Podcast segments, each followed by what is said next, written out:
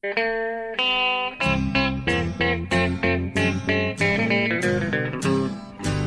out there, we're on the air. It's hockey night tonight. Tension grows, the whistle blows, and the puck goes down the ice. The goalie jumps and the players bump, and the fans all go insane. Someone roars, Bobby scores at the good old hockey game. Oh, the good old hockey game is the best game you can name. And the best game you can name is the good old hockey game. Hallå, hallå, hallå, hallå! Hallå, då är det dags för NHL-podd 78. En något försenad sådan. Vi har inte riktigt fått till den här veckan. Men nu på torsdagskvällen så, så har vi fått ihop det. Och Bjurre med helt ny dator och nya hörlurar och allt möjligt sitter på Madison Square Garden efter en något antiklimaxartad eh, ska säga, morgonvärmning med Arizona Coyotes. Eller vad säger du? Ja, ja det vart ju... Alltså, ja, goddag. Ja, Jag sitter här i ett inre rum i pressrummet. Jag sitter i radiorummet i pressrummet. ja snyggt. Med utsikt över åttonde avenyn. Du ser. Ja. Men ja, jag var här på morgonvärmning och det kändes som ett antiklimax först. För det var, visade sig vara... Ja, det var, först var ju Rangers ute då. Så det var ju eh, trevligt att träffa dem efteråt. Men sen var Coyotes hade optional och de enda på isen var Anders Lindbäck och John Scott. Och det, kändes det kändes väl lite onödigt att ha gått upp eh, i ottan för. Men eh, hela laget var här så det gick att träffa. Jag pratade mycket med Grosse Grossman efteråt och berättade gjorde, att ja, laget var på plats såklart i alla fall. De körde lite Ja. här andra aktiviteter då kan jag tänka mig. Ja, jag berättade för honom att du, du... Vad du säger, brukar säga om honom. Så Ja, han, han, eh, ja, han har ditt nummer nu. Ja, så, just det. Okej, okej. Ja, jag hoppas, eh, ja, jag hoppas du tog den lite vänliga varianten. Av, eh, jag vet inte. Nej, usch. Okej, då kan jag vänta med ett samtal här mitt i natten då kanske. Precis. Okej. He's got your number. Men och, och du själv har du varit på lite party innan vi kör igång. Ja, det är lite stökigt här. Jag hoppas att jag är i någorlunda form här. Det har varit eh, någon liten slags after work här med pizza, pizza och, och bärs helt enkelt. Så att jag är inte helt eh, ren när jag sitter här. Ska jag säga. Men inte för. Nej. Du är, du är juiced. Alltså, Ja, ja, som ja, det heter. ja, ja, Men eh, det, du är okej ändå. absolut, Vi absolut. vi, vi kan göra det här utan att du börjar spåra ur. börjar sluddra och att jag blir eh, någon slags... eh, Att jag börjar eh, skrika som Tortorella och sånt där. Ja. Det är ingen fara. Nej, jag kommer vara den Vilket- lugna Tortorella som jag har sett på NHL Network istället. En Lite mer... Vilken fin övergång i första ämnet här.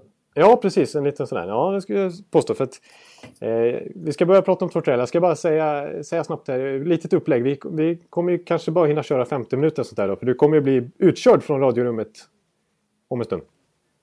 Ja, vad det lider. Vi, vi får se hur länge det håller. Ja, hur precis. länge det håller. Vi kör det. Vi, vi kör. Men vi kommer ranka, förhoppningsvis, det kommer vi nog hinna. Eh, de, de eh, tio bästa kedjorna i NHL just nu. Eller jag kommer göra det i alla fall. Och så får vi se om du håller med. Och sen så nästa vecka kör vi backparen. Mm. Så det blir Då spännande. är det jag som har nominerat dem. Då är det du som dominerar totalt, ja precis. Och sen, eh, sen ska jag bara påminna lyssnarna här om att, att jag har faktiskt precis fått bläddra lite i NHL-bibeln. Den landar på redaktionen idag och den kommer i butik på lördag. Den 24 oktober. Alltså på lördag så, så är det bara... Ja, vi, vi, vi hoppas ju att ni är sugna på, på att pinna ner till någon eh, Ica eller vad som helst och, och kolla i, i hyllorna där. Så lär den stå Ja. där förhoppningsvis. Så det är gött. Vi två har skrivit väldigt mycket i den. Och, och rank, rankat lagen också. Det, eh, det har ju hunnit gå några veckor sedan vi gjorde det. Vi gjorde ju det. Det är lång pressläggning på såna här Ja, det var länge sedan. bilagor. Ja, så den, den rankingen kommer ju att se lite konstig ut kanske i förhållande till hur serierna börjar. Men det är samma ranking som gällde före säsongen och den får man lite stå fast vid. Då. Ja, man måste stå fast på den. Och eh, normalt sett så tycker jag ändå att det brukar jämna ut sig hyfsat över en 82 match säsong. Så ska, man ska inte dra för stora Det skulle blivit lite skevt kanske om vi hade dragit alla slutsatser efter de här två första veckorna ändå. Så att jag, jag, tror... tycker, Jag, jag hoppas det. jag tycker jag hör de här två ölen prata i alla fall. Okej. Du ja. tål ju ingenting Jonathan. Nej, jag vet. Det har du högst erfarenhet av. Från Nashville. Ja, ni får vara med om det helt eh, unika i att lyssna på en lätt drucken Jonathan Ekeliv i den här podcasten. Det är Ja, intressant. Jag, vet, jag, jag, tycker ändå att jag har lite eh, vett och etikett här. Än så länge. Än så försöker, länge. Ja, jag försöker så gott jag Men eh, ja, så att eh, den kommer på lördag alltså. Eh, Ja, ut och köp NHL-bibeln. Absolut. Gött. Men eh, vi tar... Du, du, du nämnde ju Tortorella där och, och, och, vi kan väl börja prata om det. Columbus då. Det har ju, de har ju öppnat katastrofalt med sju raka förluster. Och tangerar modernt rekord i... i Uselhet. Ja, i sån eh, dålig start. Det, det finns fyra lag som har startat med sju raka segrar. Det finns ett som är värre och det var New York Rangers. Eh, 1943-44 hade 11 raka förluster. Men sen är det inga andra som... Det är bara fyra utöver det då, som har haft sju raka förluster. Och de har nu blivit fem med Columbus. Senast var det Chicago säsongen 96-97. Som, eller 97-98 kanske. Precis. Så, att, så att det är ett, eh, de har tangerat ett modernt uh, uselhetsrekord. Och, Det, det kan ju bli värre för de spelar redan i natt här mot Minnesota. Vi Ja, precis. Mm. Eh, och eh, ja, det har ju då slutat med att eh, coachen Todd Richards fick sparken och eh, de har istället städslat. Vem om inte John Tortorella, den omtalade, eh, beryktade och ofta diskuterade i den här blogg, podcasten får vi säga. Ja, han kommer upp lite titt som tätt trots att han inte varit i NHL på ett och ett halvt år ungefär. Men, eh, och du har ju i allra högsta Jag har en relation till honom med tanke på hans tid i Tampa. Men du har ju faktiskt eh, upplevt honom live i vad är det, fem årsperiod ungefär så länge han var i Rangers. Ja visst. Eh, och det var ju både skrämmande och underhållande. Ja, Eh, presskonferensen med Larry Brooks. Eh, minnesvärda. Man var ju lite rädd för honom faktiskt. Ja. Men det var ju också väldigt roligt. Man visste att det kunde alltid hända något när han skulle ta till orda. Ja. Och han är ju framförallt känd som en väldigt kolerisk, skrikande man med ett fruktansvärt humör helt enkelt. Ja. Eh, Jag har för mig att du har jämfört honom med Captain Haddock. Nej, med Kapten Ahab i, i Moby Dick. Ja, okej. Ja, fast han är, ja, lite Kapten Haddock också i, eh, när, jag har, när han har varit riktigt upprörd. Ja, precis. Eh, men, ja. Man kan om vi... Det är ju lite förbryllande det som har hänt ändå. Med Ja, Columbus. alltså hela, hela grejen. Det är förbryllande här med att Tortorella kommer in. Men för några, två veckor sedan när säsongen eh, precis skulle till att börja så hade ju både du och jag, i alla fall jag, hade ju Columbus som ett slutspelslag. Ja, Och eh, vi såg ju dem som, eh, vi nämnde ju dem i ungefär samma mening som Dallas. Och den här typen av lag alltså, som vi trodde var på gång liksom. ja man, man utgick ifrån att, att de missade i fjol var, berodde på alla skador och att de nu var beredda att ta det steg som man trodde de skulle ta redan i fjol. Då, men som, Så Brandon sa det in.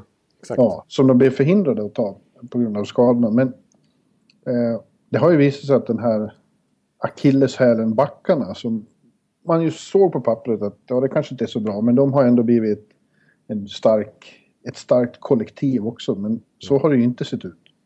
Nej, nej, backsidan har ju varit bedrövlig. De har släppt in eh, närmare fem mål per match hittills på sju matcher, vilket ju är enormt dåligt facit faktiskt. Och eh, visst, backarna har stor del i det, men framförallt har ju, får man ändå också eh, klandra Sergej Bobrovski. Som har Ja. varit katastrofal. 83 i räddningsprocent. Eh, Ja, nej, han har inte varit något vidare alls. nej, när, när, är jag, när jag grävde lite i de här eh, statistik, eh, djupare statistikdatabaserna som ju alltså man kan tycka vad man vill om. Eh, man kan det är svårt att definiera vad som en low och medium percentage scoring chance. Alltså så här, det finns den typen av räddningsprocent också. Och där, alltså, Sergej Bobrovski är klart sämst i NHL vad gäller alltså, räddningsprocent på skott som är låga, anses som enkla skott om man ska säga. Så Han Ja, släpper in väldigt enkla mål också. Så att det är liksom inte... Det är, det är inte bara att försvaret liksom inte hänger med och att han får eh, kasta sig och försöka rädda, förlåt. ja, rädda svåra lägen hela tiden. Utan det, det, är, liksom, det är enkla billiga höstlöv som har slunk, slunkit in. Liksom. Ja, både, ja. Eh, Det kändes ju som när Rangers eh, iscensatte den där vändningen. Det var väl deras premiär tror jag. Mm. Eh, då gick ju allt in och så det känns som att han kom aldrig riktigt tillbaks från den chocken. Nej. Precis, och han har ju sagt själv, han sa väl efter fjärde förlusten där att I have absolutely zero confidence right now. Mm. Och det är inte ofta en, en, en NHL-spelare uttrycker sig så ärligt liksom. Eh, Och det, det är ju naturligtvis inte bra för målvaktsposten är ju den allra viktigaste i hela NHL och den allra mest utsatta. Men samtidigt är det så när det rullar iväg på det här sättet och det blir förlust på förlust på förlust så blir skakar det ju till i hela laget. Eh, det var diskussioner nu om, om de hade så här lågt förtroende för Todd Richards, varför sparka dem om inte redan i somras. Jag tror, jag tror inte de hade en tanke på det i somras. Nej. Jag tror de hade fullt förtroende för Todd Richards. trodde aldrig att det här skulle hända. Nej. Men när det nu har hänt så är det ju det enda alternativ som står till buds. Ja, det, det är det absolut byta- enklaste. Mm. Ja. Eh, och jag håller med dig där. För att, och känslan är att eh, det är ingen spelare som har uttryckt sig negativt om Todd Richards heller. Nej. Vilket ju man i och för sig kan förstå för att det är ju inte ser inte så bra ut. Men det är, när det är liksom dålig stämning i ett omklädningsrum och när det börjar gå ut för och när det är lätt att börja skylla ifrån sig. Så är det ofta coachen som hamnar i skottgluggen på något sätt. Men internt så har han fått extremt lite skjut. Utan tvärtom har de hyllat honom. Han, han verkar vara en, en players coach och en sån som de gillar och som har gjort det bra där ifrån sig under sina år. Liksom och, ja, nu, nu känns det som att han ryker på grund av att det är det enklaste alternativet. Ja, men det är nästan det enda alternativet i det här läget. Ja. Eh, så det känns inte som det alls i särskilt hög utsträckning är hans fel. I så fall snarare general manager Kekkelainen som inte har eh, skaffat en bättre backuppsättning. Då, Nej. inte har sett att de inte var bättre än så här. Nej, för det, det tycker jag. Vi, vi sa ju det redan efter vår lilla säsongsavslutning där i juli att eh, den lagdelen som man är orolig för i Columbus det är just backsidan. Liksom. Där ser man ju att den är ju inte. Den håller ju inte riktigt slutspelsklass på samma sätt. Nej, men eh, vi, vi trodde inte att det var så här. Nej, absolut inte att vi trodde- Ska vi inte påstå att vi såg. Nej, eller det, det såg vi inte. Verkligen inte. Och jag har ju lyft fram namn som David Savard och Dal- Dalton Prout och så här, som ligger på minus nio båda två. Eh, men... Eh, ja, alltså och, och Kekkelainen, han hade ju, han hade ju eh, saker på gång i somras som han valde att till slut inte riktigt trycka på avtryckaren. Vi kommer ihåg att det var ju rykten om Erhoff väldigt länge att de i princip hade, var överens. Men så blev det till slut ingenting. Han hade Paul Martin hade han tänkt att plocka in också men så blev det ingenting. Och på något sätt var han nöjd ändå med det han hade och var inte riktigt villig att offra tillräckligt för att förstärka sin backsida och han tyckte det, det såg okej ut. Men jag, samtidigt när man pratar Columbus så vill jag ändå... Jag, jag, jag tycker man faktiskt kan lägga väldigt stor skuld, nu är man lite utpekande här, på Bobrovski också. Det är inte bara backsidan som har varit uselt katastrofal på, det viset. Alltså att spelsystemet har varit jättedåligt för att vissa matcher tycker jag att de har spelat väldigt bra, Columbus, inte minst offensivt. Och eh, Saad, Johansson, Foligno-kedjan tycker jag har varit, har varit bra. Jag menar, mot Islanders sista här som han fick sparken efter så, eh, så var ju de det bättre laget. Eh, Ja, men de fick stryk med 4-0 i alla fall. Precis, jag, jag vet att eh, Wennerström, Pippi som vi, Johan som vi kanske båda känner till på Twitter, stor svensk Islander-supporter. Han, han twittrade något väldigt talande, jag skrev ner det. Eh, han twittrade, period 3 i den matchen. Antal minuter i PP, Columbus 8, Islanders 0. Antal skott, Columbus 12, Islanders 5. Antal mål, Columbus 0, Islanders 3. Så, här, väldigt talande för lag i medgång respektive motgång. Ja. Allt går in för det ena laget, allt funkar Ja. inte. Så- Nej, men så blir det ju som sagt när det rinner iväg. Det blir knyter sig på alla möjliga sätt och vis. Eh, och då är frågan då vad, vad Tortorella kan bidra med, vår vän Tårtan. Och, och den omedelbara eh, analysen av att det är just honom de tar in är ju att han ska in vara en spark i arslet på dem. Eh, och eh, det kommer han säkert vara. Alltså, han har ju lyckats eh, åtminstone en gång i, i just den rollen. eh, När han kom in och tog över Rangers mitt i säsongen. Så det var ju nyttigt för eh, Rangers just då. Ja. Och, och jag, jag, alltså jag har ju mina synpunkter på honom som tränare, det får jag lov att säga. Eh, han har ju känts lite omodern och så ibland. Omodern är ju verkligen epitet för honom. På det. Ja. Men nu påstår han, dels påstår han själv att han har eh, både utvecklats som hockeycoach och gjort eh, djup soul searching efter sitt fiasko i, i Vancouver och är en annan människa nu. Vi får väl se. Eh, jag tror samtidigt att just Columbus passar honom bättre som marknad än New York och Vancouver. Framförallt mediamässigt. De, det är så lite mer som i Tampa. De har typ två, tre Det är killar Aaron. Portsline han har. Ja. Liksom. Ja, de har två, tre killar som är beat reporters som följer och, och that's it. Och så var det i Tampa och det kommer att bli... Då får han kontroll över den situationen. Eh, och jag tror att han trivs bättre med det. Ja, precis. Ja, jag, jag, jag minns ju också honom väldigt gott naturligtvis. Min erfarenhet av han i Tampa, det slutar ju halvdåligt. Men han, han har ju naturligtvis ett jättebra record där. Och han, det, när han kom in i Tampa så var det ju katastrof. Fredrik Modin var ju i klubben då. Och han beskrev det ju som att nej, det var ju liksom, det var ju kaos. Det var, det var, inte, det var oseriöst helt enkelt. Det var liksom kändes som att inget riktigt togs på allvar och det var eh, inga riktiga, ingen riktig struktur utanför isen. Man kunde göra lite som man ville. Det kändes inte professionellt. Och då kom Tortorella in där, som var rätt oprövad då faktiskt. Och Ja. eh, satte stenhårda krav. Och liksom, eh, inte bara på isen utan förhållningsregler utanför. Och så här måste ni bete er i en klubb som jag coachar för annars vill inte jag vara här. Och ska vi kunna bli framgångsrika så måste ni köpa det här systemet som jag nu kommer köra stenhårt på. Och eh, Mm. det slutar ju med tre år senare att de har Stanley Cup liksom. Och eh, från att vara ett, ett utdömt eh, expansionlag som eh, folk ville ha bort i princip. Eh, Så att Tortorella har ju jättestor del i att den klubben kom på fötter liksom. Och Modin säger ju att det är den bästa coachen han har haft. Så det finns ju Ja, olika. Mm. Eh, och, Nej, vi får, det blir intressant. De får lära sig täcka skott igen då om han tänker använda det som han gjorde i, här framförallt. Eh, Som ett taktik i sig. man ska täcka precis varenda skott eh, som går att slänga sig på i princip. Det är, Ja.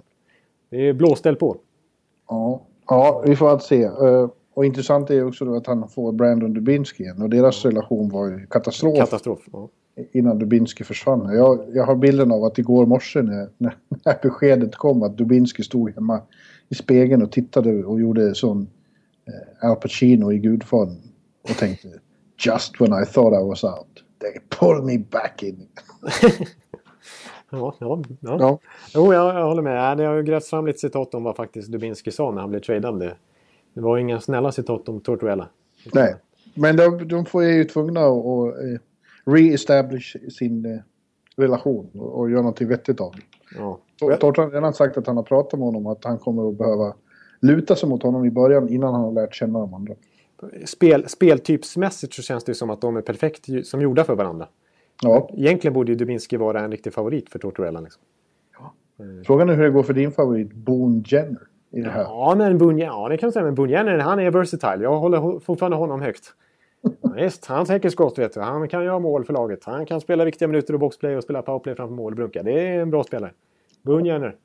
Ja, Bra det ska bli också. spännande att se vad som händer. Absolut. Ja, men eh, då vill jag bara säga så här också att eh, Todd Richards helt plötsligt seglar fram som kanske den bästa tillgängliga tränaren som finns nu. Ja, Kan vara så. Eh, grejen är att John Tortorella skulle, ska ju, är det fortfarande sagt, vara head coach för World Cup-laget i, för USA nästa år. ja det ska han. Det, det är ingenting som förändras med det. Nej, Eh, nej. däremot så försvinner han ju ur, ur, eh, som Expert. expert och det var ju synd. Det var lika förra gången. Han hade ju hunnit börja på tv när Glenn Sader anlitade honom till eh, hit till Rangers. Ja, just det. Så det verkar vara hans melodi. Få ett jobb i media, då kommer det ett jobb som coach också rätt snabbt. Ja, just det. Ja, ja. ja men... Eh, för annars, Men jag, hade, var- jag, jag hade liten... du- Ja, förlåt. Ja, jag skulle bara säga, jag hade en liten egen idé om att annars så skulle Todd Richards skulle kunna ta över USAs World Cup-lag istället. För att eh, Todd Richards hoppade in och rattade USAs eh, VM-lag här i, i våras och gjorde det väldigt bra. De tog ett sensationellt brons då. Och var ju väldigt populär bland, dem, i- bland jänkarna då. Så att de hade ju nästan kunnat göra en switch där. Ja, men så blir det inte. Nej. De, de har redan gjort klart att de vill ha kvar honom. Eh, Tortorella. Ja, och jag, jag tror att på kort sikt så kommer det ge en god effekt här för Columbus. För att, Vi får se. vi får se. Vi får se. Men det, det hänger mycket på Bobrovski också. Han måste ju skärpa till sig. Ja. Eh, ja, jag trodde möjligen att eh, To- Tortorella till slut skulle hamna i Boston. För dels så kom han från Boston och dels eh, Boston Bruins eh, eh, image på något vis harmonierar med, med eh, John Tortorellas framtoning. Ja, ja, det känns som att Don Sweeney och Tortorella skulle gärna kunna ta en bärs ihop. Liksom. Ja, och eh, Claude Dubliner. Julien, för att nu komma in på det då, så Claude Julien är väl en av dem som man föreställer sig kan sitta löst också eftersom han, det var så osäkert om han skulle få behålla jobbet i somras. Det tog så lång tid innan han fick besked om det. Ja, vi har varit inne på det att vi är väldigt kluna till eh, Bostons kluvenhet. Liksom. Att, eh, att eh, Don Sweeney inte kunde bestämma sig för vad han riktigt ville satsa på. Att det uppenbart var så att han hade Babcock och McLellan lite i, i kikan. Liksom. Men Ja. när, när, det, när det, de alternativen försvann från marknaden så var det okej, då kör vi väl på Julien då. För att han är ju ändå en etablerad och skicklig coach som har vunnit Stanley Cup med. Liksom. Ja, Men, nu har det ju gått lite, lite bättre än precis i början då, men fortfarande så känns det lite vingligt i Boston. det känns vingligt. Ja, Tappade eh, 5-2, eller 4-2 Ja. Ja, 5-2 tappade de. Mot, mot Philadelphia här om natten. Ja. Ja. Ja, det känns eh, vingligt där faktiskt i, Boston. Eh, Och eh, jag såg någonstans att Julian är faktiskt den som har lägst odds i USA på att få sparken. Ja. Så att... Eh, ja, jag håller med om att han hänger ju löst. Men samtidigt så vet jag inte om det finns... Ja, det skulle vara Todd Richards då som jag återkommer till. Men jag, inte- jag tycker inte det är inte så bra alternativ på marknaden heller. Liksom. Och, Nej, som vi känner till, nej. Men det finns ju mycket coacher inte vi vet. Liksom. nej, ofta, precis, jag menar Dave Hackstall hade vi inte så bra koll på. Nej. Eh, inte John Hines heller liksom. nej. Eh, och eh, vem vet? Det finns ju gamla spelare som vill bli coacher så. Men din, din gamla vän eh, eh, Guy Boucher nämns ju. Han är ju i Schweiz nu, men han nämndes redan som alternativ till Columbus. Det känns som han står först i den här kön av att ta över nästa lag som blir en coach får sparken. Han eller möjligen Jacques Martin. Precis, gamla Jacques Martin. Som är någon slags eh, Tord Grip i eh, Pittsburgh. Som jag förstår. Ja, ja, fast utan dragspel. Ja, just det. Ja, det, det, det, det, det tror jag håller med om. Ja. men eh, ja, nej, men det är inte... Det är inte och Randy Carlyle liksom. Eh, Ja, han också- finns ju också. Men Randy Carlyle kän- känns ju lite, tycker jag, som... Eh, eh, precis som, man, som jag såg Tortuella, lite omodern liksom. Jag menar, vi kommer ihåg... Visst, jag tycker Carlyle har varit ganska framgångsrik. Även i Toronto för att vara Toronto liksom. Han tog ju dem... Jag menar, det slutade ju dåligt och det såg under långa perioder dåligt ut. Ja, de var i slutspel De var i slutspel, precis. Och eh, eh, vissa stunder var de ju riktigt bra där. Men, eh, och han har ju vunnit en cup med Anaheim också. Eh, men eh, han är ju Precis. också han är ju omodern på det viset att vi, vi pratade om förra veckan det här med att eh, den här artikeln som du läste med, med, med Paul Maurice och gänget att, att eh, eh, man vill ju rulla på fyra kedjor nu för tiden. Det handlar inte bara om topp 6 och bottom 6 och poliser och så vidare utan det, det är liksom alla linjer måste producera och bidra offensivt. Och Ja. spela med fart liksom. Och Randy Carlin när han var mot Toronto då var det liksom Colton Orr som spelade 1,16 per match. Medan någon skicklig, eh, liksom, duglig NHL-spelare skickades ner till, NHL, eh, till AHL bara för att han inte liksom fyllde den, den roll, de rollerna som Carlisle är ute efter. Liksom. Nej. Som inte är de allra, den allra mest moderna filosofin, enligt mig i alla fall. Att, eh, Nej, och där finns ju... där är ju Tortorella också... Han, han är ju ex, expert på att... Eh, eh, ja, rida på vissa spelare. ja, precis. Som Sedinarna var ju helt eh, slutkörda efter, efter jul kan man säga, det året. De fick ju spela både boxplay och powerplay liksom, och fem mot fem och i alla situationer. vänta, vänta, vänta. Det, det, det händer något skit här. På min dator. Är det sant? Jag hör något konstigt. Eh, Är det någon som börjar snacka nu mitt i datorn? Vad fan.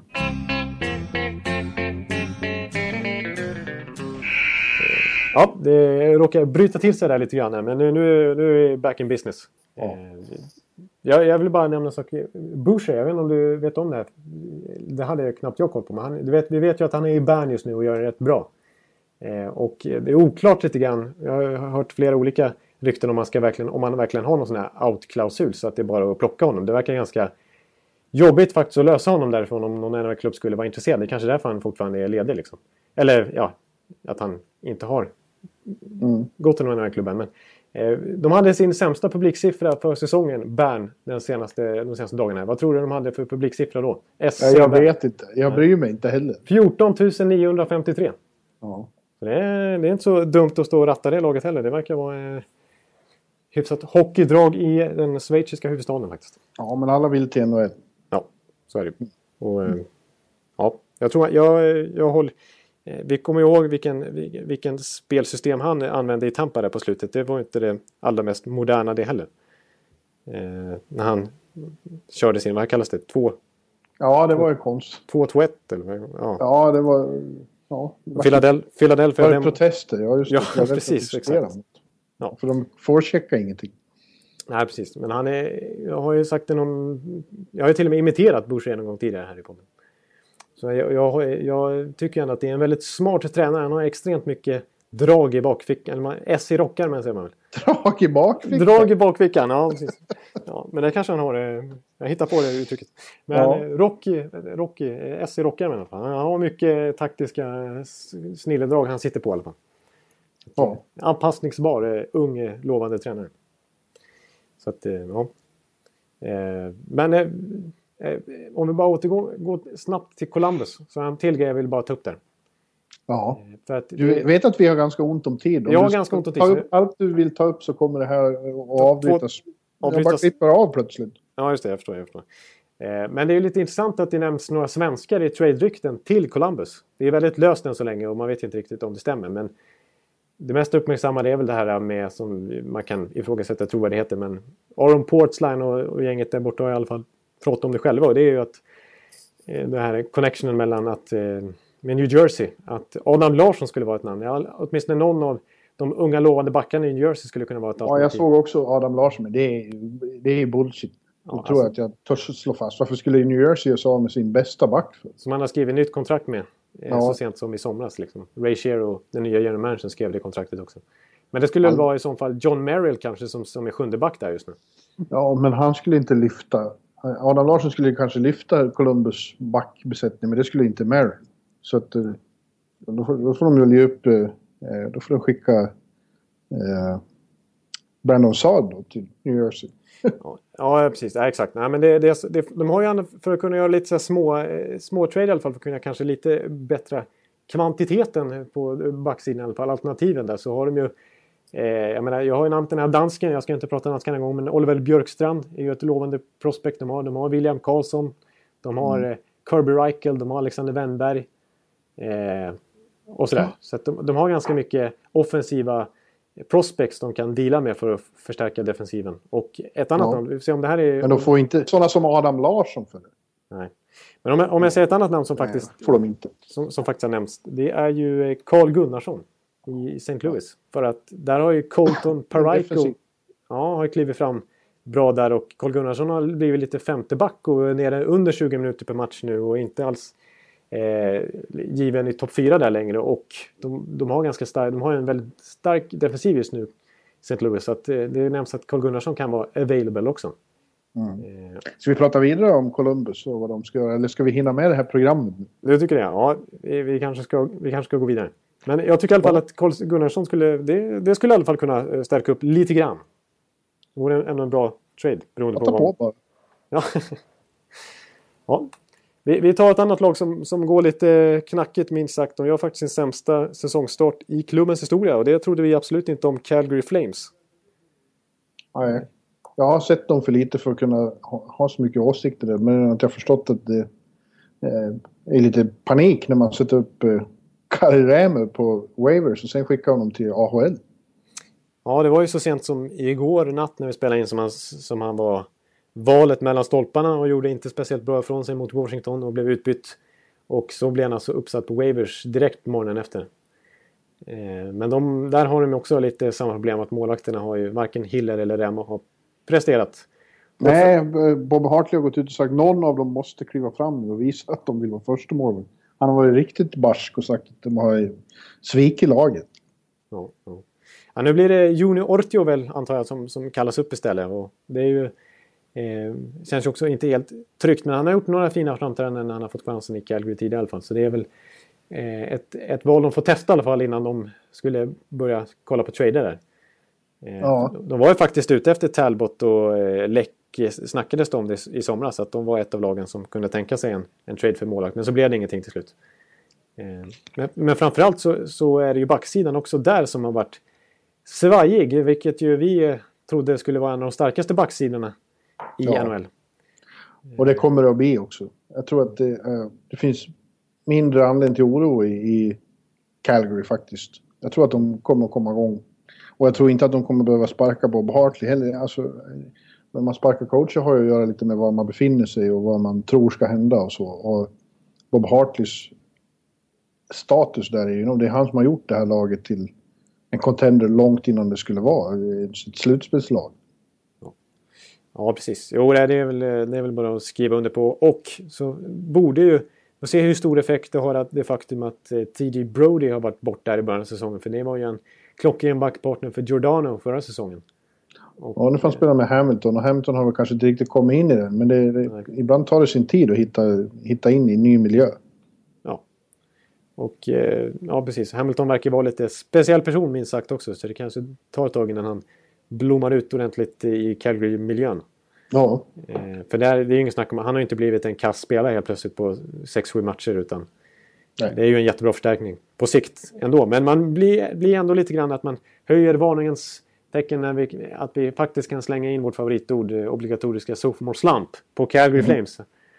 Eh, för hittills, eh, jag tycker i och för sig, när jag har sett Calgary så är jag menar, jag tycker Gaudreau, Monahan och eh, gänget där, alltså det, det ser ganska bra ut, alltså den första kedjan. Frolik har varit, ett hyfs- faktiskt gjort bra ifrån sig här i början, men, men sen är det de här eh, som man hade då, dålig koll på förra säsongen som, som överraskade positivt och verkligen kom upp och blev etablerade NHL-spelare. Typ Uris och Furland och Colborn och Boma och Bowlig och de här.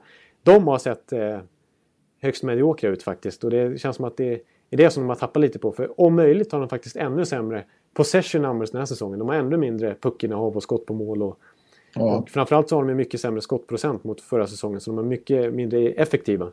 Vilket ju lyfter dem förra året för då var de ju då gjorde de ju verkligen mål på sina chanser. Det gör de inte nu och då ser det inte bra ut. Och det, det har ju faktiskt runnit iväg ganska ordentligt i vissa matcher. Eh, ja, senast mot Washington till exempel. Ja, precis. Men då, då får vi säga, då får jag ta upp ett väldigt löst rykte igen nu. För att, eh, ja, jag, jag tror inte alls på det här med Stamkos, men faktiskt Mark, Sport, Mark Spector på Sportsnet som ändå är ett hyfsat erkänt namn eh, slänger fram att, att de har varit i kontakt med Tampa. Om Och en mycket god vän, Mark Spector. Det är en, eh, en kamrat i NHL-natten. Ja, det är det. Ja, det är det verkligen. Ja, han skrev en artikel om, om, eh, om Stamkos och framförallt handlar det väl om att Brad Tre- Treleving där, general manager i Calgary, har... Eh, att det, det finns ingen general manager i ligan som inte har fått ett samtal av Trevilling den senaste veckan. Att han är rejält eh, i eh, trade-tagen här nu faktiskt för att förstärka offensiven och bredden bakom den här första serien. Vad, skulle de få ge upp för Stamkos? Ja, det, det skulle ju bli så mycket så att det är inte värt det. Plus att det som är så svårt med att träda till sig Stamkos är ju för det laget som vill eh, få han. Det är ju att då hamnar de i sa- samma situation. Det är inte säkert att Stamkos vill skriva på ett långtidskontrakt i Calgary direkt. Nej. Eh, så att, och eh, det, jag tror Stamkos, eller Spector var inne i sin artikel här på att det är ju Bennett och Monahan typ. Och Ja. det är ju kanske inte värt det direkt. Särskilt inte om man har tryggheten att, att Stamkos ens förlänger. Så att, Nej, precis. Nej, det vore ju vansinnigt faktiskt. Eh, Spector var inne på det överlag, vilket jag håller med om att Stamkos är jättesvåra att träda till sig för att eh, man måste liksom mer eller mindre garantera att, att Stamkos eh, skriver på ett kontrakt. Att det blir en Ja. sign and trade helt enkelt. Ja, Så att man... ja eh, det riskerar ju oerhört mycket om ja, de, de, man får eh, honom ett halvår. de måste veta att han stannar om de ska pull the trigger helt enkelt. Och, eh, Ja, det tror vi inte på. nej. och som eh, den Tampa-supporter jag är så har Stamkos varit den klart viktigaste spelaren hittills tycker jag. Eh, på forwardsidan i alla fall. Hedman och Stråman har ju, och Bishop är ju också väldigt viktiga. Men Stamkos har faktiskt varit klart överglänst till exempel triplets-kedjan hittills. Och känns ju oumbärlig. Jag vill inte bli av med Stamkos på något sätt. Nej. Så att de måste skriva nytt kontrakt med honom. Hopp. A lot can happen in the next three years. Like a chatbot may be your new best friend. But what won't change? Needing health insurance. United Healthcare Tri Term Medical Plans are available for these changing times. Underwritten by Golden Rule Insurance Company, they offer budget friendly, flexible coverage for people who are in between jobs or missed open enrollment. The plans last nearly three years in some states, with access to a nationwide network of doctors and hospitals. So, for whatever tomorrow brings, United Healthcare Tri Term Medical Plans may be for you. Learn more at uh1.com. Eh, I Montreal behöver de inte skriva några nya kontrakt med någon. Eh, eller behöver göra någonting. Ja, de, de, de kan snarare skriva, de får gärna förlänga allt de har med, med, med Pacioretty och Price och så här. Men, men de behöver inte skicka iväg någon i alla fall direkt. Nej, behöver de inte. För de har ju startat galant. Alltså. Nu är det sju raka segrar och eh, eh, till skillnad från förra säsongen så är det ju, handlar det ju inte bara om att Carey Price har räddat dem kväll efter kväll. Han har Nej. varit fantastisk när det har behövts. Men av laget har ju faktiskt också levererat. Eh, jag Ja. tycker de har varit väldigt imponerande. Ja, det är, det är precis så man får beskriva Montreal. för att ja, Förra året, som du säger, då var, då var, det, då var ju Price verkligen den som, som eh, vann matcherna åt dem. Alltså, Ja. då, då var det ju ofta så att de eh, eh, var underlägsna sina motståndare och fick eh, rikta in sig mycket på försvarsspel och freda Price runt kassan där. Eh, Men i år så har de ju, de har ju skjutit, alltså, de har ju betydligt bättre possession numbers. De har ju sex fler skott på mål per match än sina motståndare hittills. Och eh, ja, har ju mm. förtjänat alla sju segrar hittills. Verkligen. Men mot St. Louis var det ju så då först eh, som skulle vara den svåraste matchen hittills. Och det var det väl också. Det var ju tidig seriefinal. Ja. ja på något vis. Och, eh, och då i början var det ju Price då som han är ja. Världsbäst. Uh, för då tryckte Blues på på sedvanligt sätt. Men uh, fick inte in några puckar såklart. Och uh, då sen var det som att Habs bara tryckte på knappen och började intensifiera spelet och så bara sa det pang. Ja. så hade de till slut nollat Blues. Och ja. Ken Hitchcock var ju väldigt imponerad efteråt och sa att det här är ett eh, väldigt välcoachat, väldisciplinerat eh, Place Hockey the right way team. som, kommer, som kommer att vara a bear for, for everyone the whole season. Ja, för de är onekligen the team to beat nu. No, eh, liksom obesegrade och ser så otroligt bra ut. Faktiskt. Det är upp till Buffalo imorgon. ja, precis. Buffalo får faktiskt sätta stopp. De gjorde ju det förra året. De, det var ju Montreals buggy team. De hade ju, jag kommer ihåg de hade en back-to-back mot Buffalo och förlorade båda matcherna. Ja. Enrot, storspelare. Ja. Eh, men eh, något, då gjorde ju faktiskt Ken Hitchcock en ganska sansad analys efter den matchen. För jag såg Steve Ott, han, var, han är ju han är ju lite mer råbarkad om man säger. Ja. Och han sa ju att, eh, ja vad tycker du om, om Montreal egentligen? De är ju helt otroligt bra. Och han sa ju direkt efter slutsignalen bara, ja deras deras defensive system, visst det är jättebra som ni säger, men eh, deras defensive system det är ju Carey Price. Han är, han är ju helt sjuk, Carey Price. Han är världens bästa hockeyspelare i alla kategorier just nu. Det finns ingen utespelare eller vad som är målakt eller någonting som når upp i hans nivå. Han är, han är en alien typ. Eh, det spelar ingen roll vad de har för tränare eller för spelsystem. Det är Carey Price som gör att de vinner matcher. Tyckte han då. Ja. Efter att de missade några lägen. Ja, att, eh, vi får se. Vi får se hur, länge, hur, om de lyckas upprätthålla samma kvalitet under lång tid och framförallt så är det slutspel då. Det är ju det också.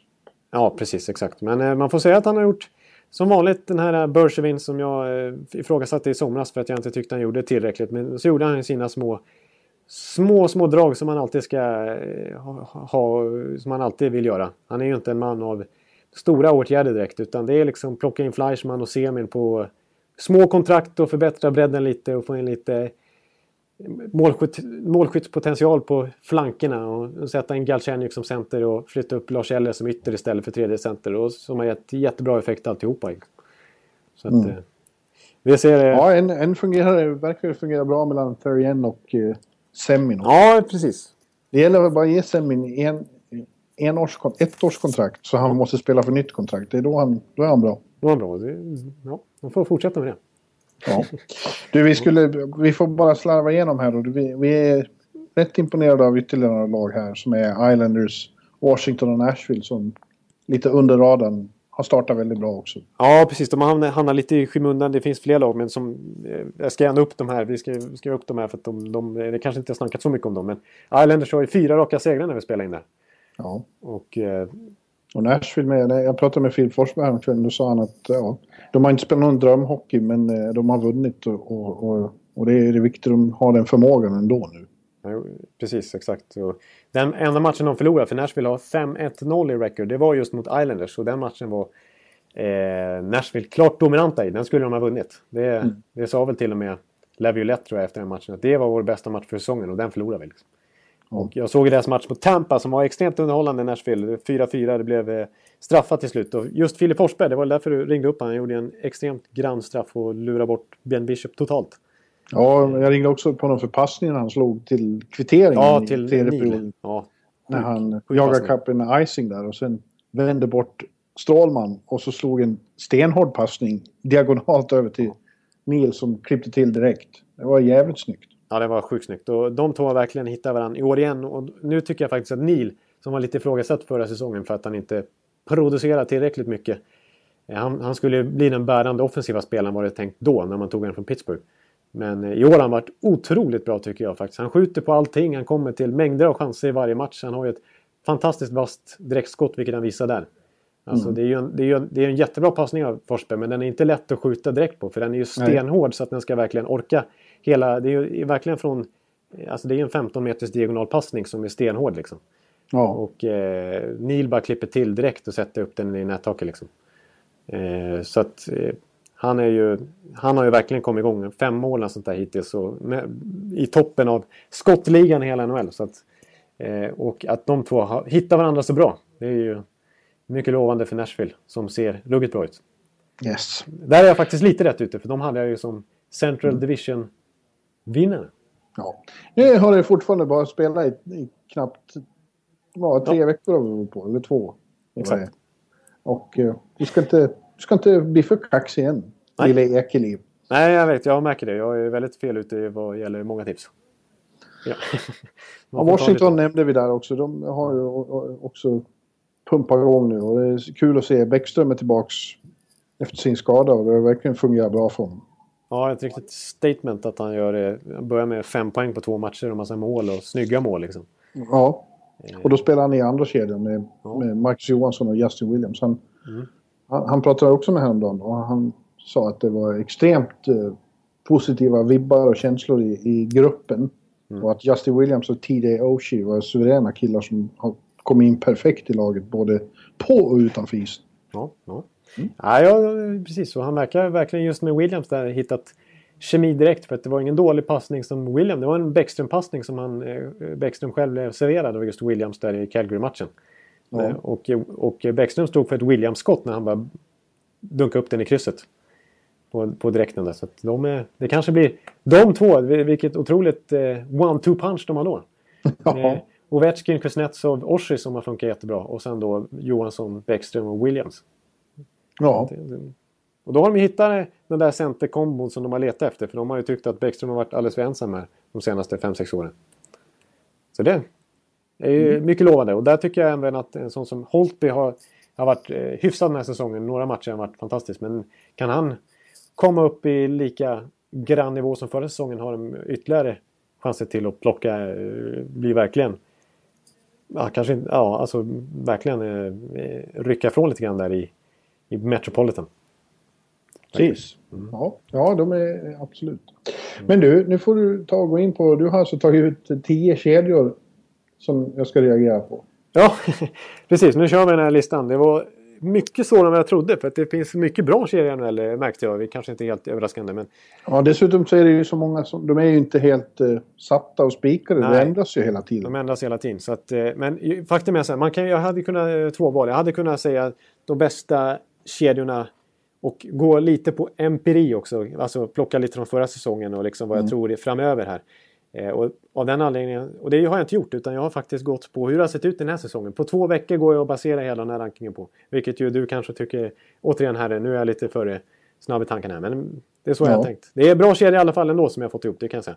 Men Ja, kör igenom då. Ja. Börja från tionde. På tionde plats, då har vi faktiskt, eh, det här är, lite otippat kanske, men eh, om man har satt på förhand, eller jag vet inte. Men på tionde plats har vi i alla fall Andrew Ladd, Brian Little och eh, Blake Wheeler i Winnipeg. Mhm. Och den har ju funkat väldigt bra hittills. Wheeler har gjort poäng i alla matcher hittills. Alla matcher har, han- har han faktiskt producerat.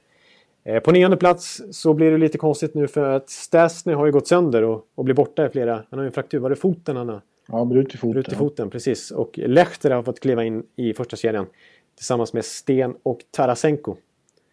Eh, Ja, men fram till, fram till så länge Stasny var med så var det ju en ruggig kedja. Ja. Ruggig kedja. Alla har gjort i princip över en på match. Ja, det ligger, Tarasenko i alla fall ligger på över en på, på match. Och även Sten och Stasny börjar säsongen väldigt lovande. Och Lehtera har gjort det hyfsat. Jag menar, de producerar ju mycket chanser mot Montreal där också, även om de inte fick utdelning.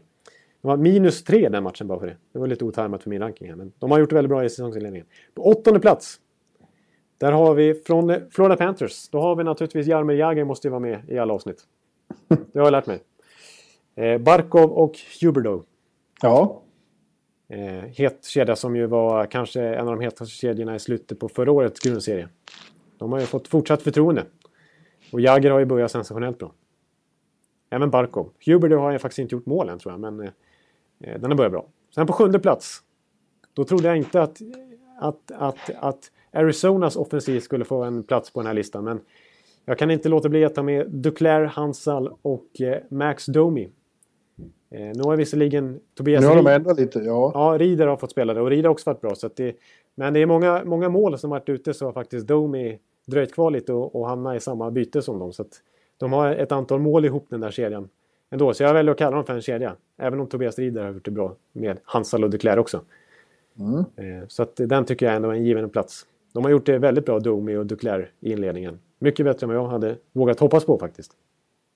Eh, på sjätte plats har vi just den här kedjan då som vi var inne på för några minuter sedan. Ovechkin, Kuznetsov och TJ Oshie.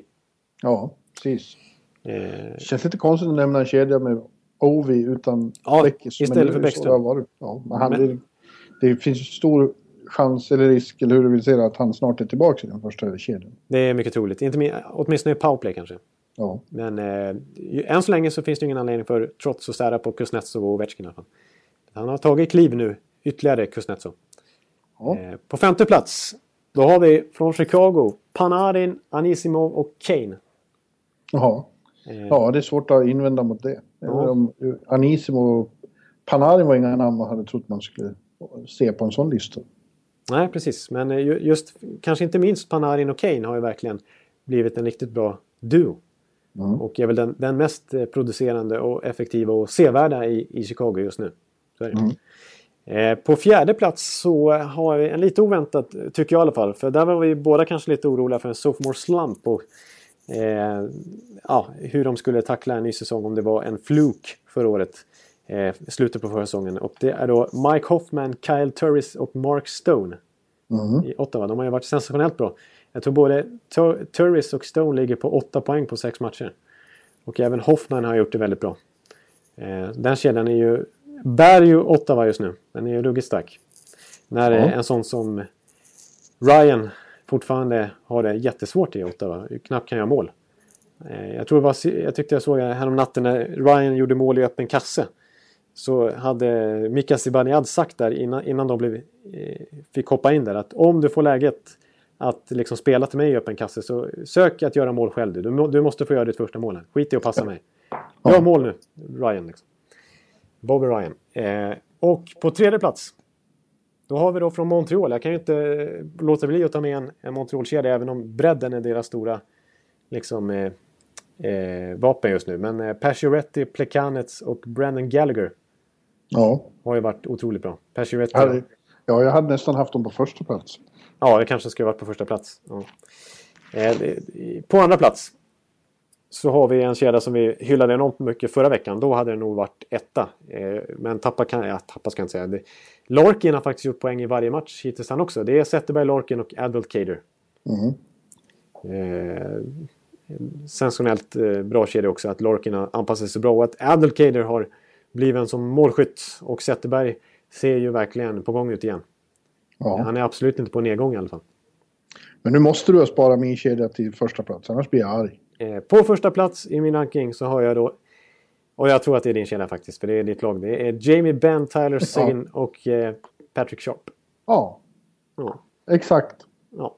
Ja, de är, eh, vilken, vilken, vilken, vilken attraktion.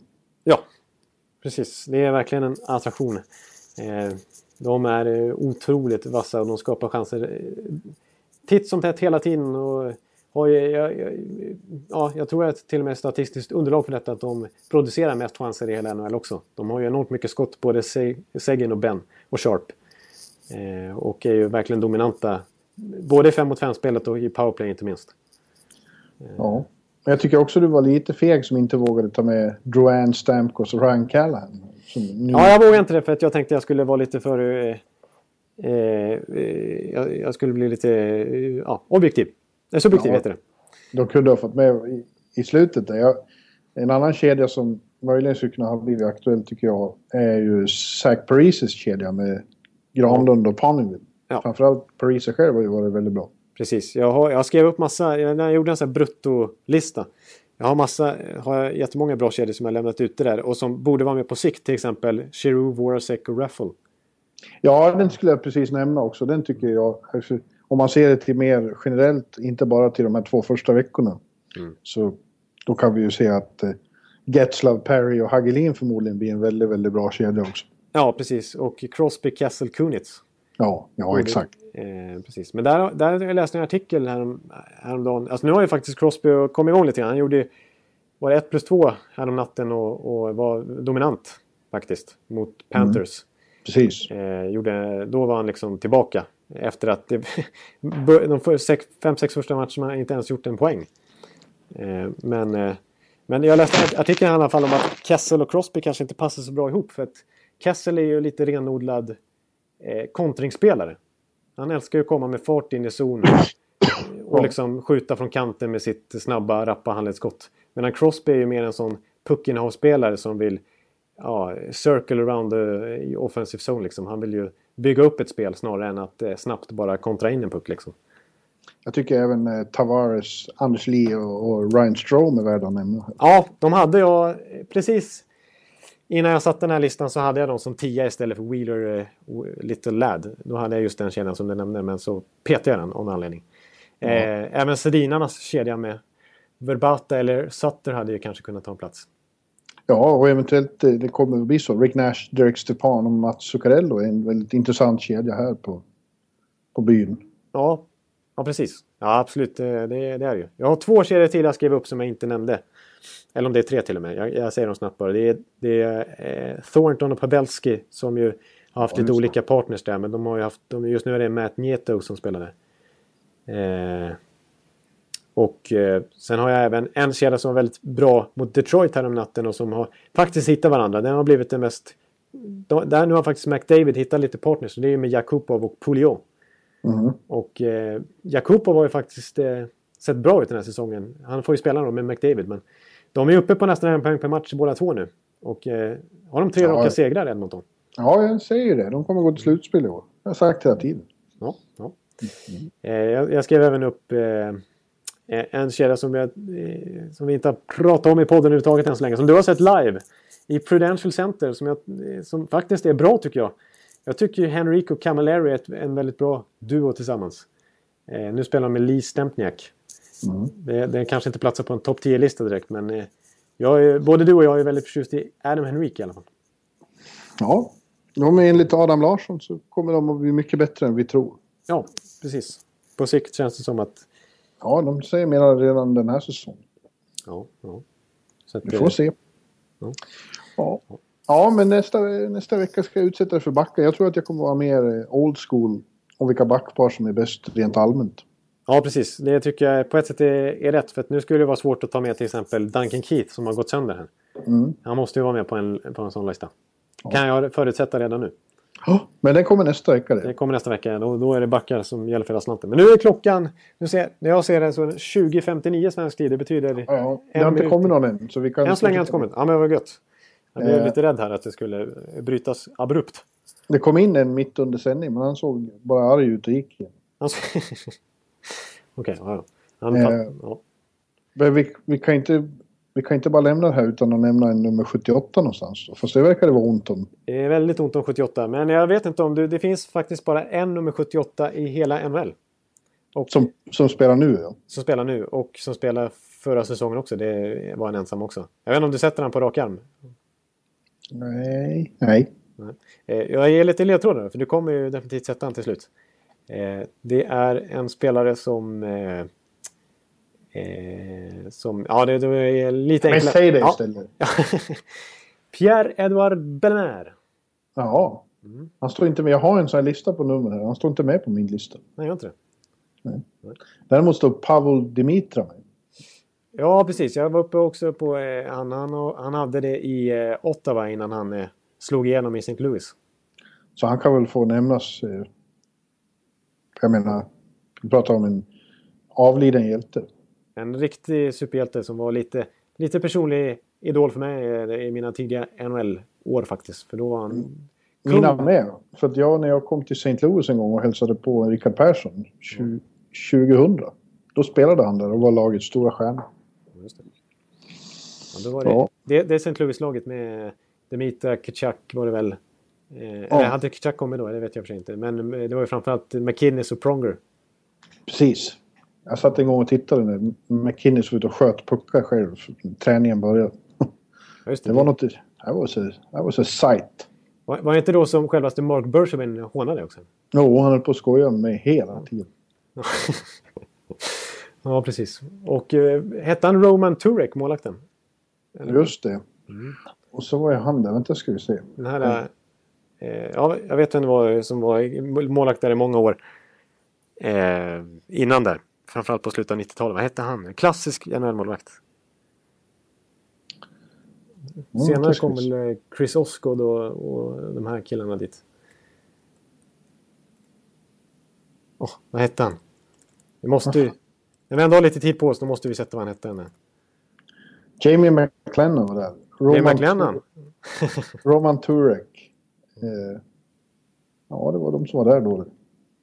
Okej, ja, eh, jag, jag, jag, måste, jag, kan inte, jag kan inte lägga ner den här på nu för att jag, det, är inte han jag, det, är inte, det är inte de jag tänker på. Pierre Turgeon var där, det kommer jag ihåg. Han var skadad när jag var där. Jag fick hälsa på honom när han satt i ett badkar. badkar. Det kommer jag mycket starkt Det är sant. ihåg. Ja. Pierre Turden. Som, var inte han som var så otroligt, ja, apropå skada, han var ju alltid skadad, var det inte så? Jag tyckte... Jo, det var i alla fall slutet av sin karriär. Ja, det var han. Ja. Jochen Hecht var en trevlig människa som jag pratade mycket med Ja, just det. när jag var där. Han Det här var, var så 2015 år sedan som jag... Ja, Rickard Persson spelade ju där. Så jag var och hälsade på honom i vecka så hängde jag med på träningar och matcher och var lite så. Gick i, i environgerna där. ja, ja, ja. Nej, nu, nu hittade jag faktiskt vilken målvakt det var jag tänkte på. Det var lite tidigare. Eh, Grant Fur. Ja, ja, ja, ja. Precis. Ja, precis. Ja, men du. Nu får vi ta avsluta det här. Nu ska jag skriva färdigt ett bloggintro inför kvällens match här på Garden. Och vi ska se The Duke kommer tillbaka. Ja, just det. Det är The Duke och Max Domi och gänget som ska lira mot eh, Rangers på Madison Square Garden här om några timmar. Faktiskt. Ja, och Keith Yandel då, som går upp mot sina gamla lagkamrater Ja, just det. eh, åt andra håll. Ja, just det. Och så får du se OEL. Ja, OEL. Oliver stod, kom förbi när jag stod och pratade med Niklas Grossman. Så, "Jaha, nu duger man inte längre. Nu är det bara Grosse. Ja. ja. Ja. ja, men eh, då eh, säger vi tack och, och adjöss för den här veckan. Och NHL-bibeln lördag. Mors. återigen. Hej, hej. Mors, mors, mors, mors. Hej. mors. Play hard. Play hard. Play hard. Play hard. Gotta be resilient, everybody. Play hard, everybody. Play hard. Play hard. Dan Labrata. Dan Labrata. Labrata. Labrata. Labrata. Labrata. Labrata. är den värsta sen Esposito. Play hard. Play hard. Labrata. Gotta be resilient, everybody. Play hard, everybody. Dan Play hard. Play hard. Dan Labrata.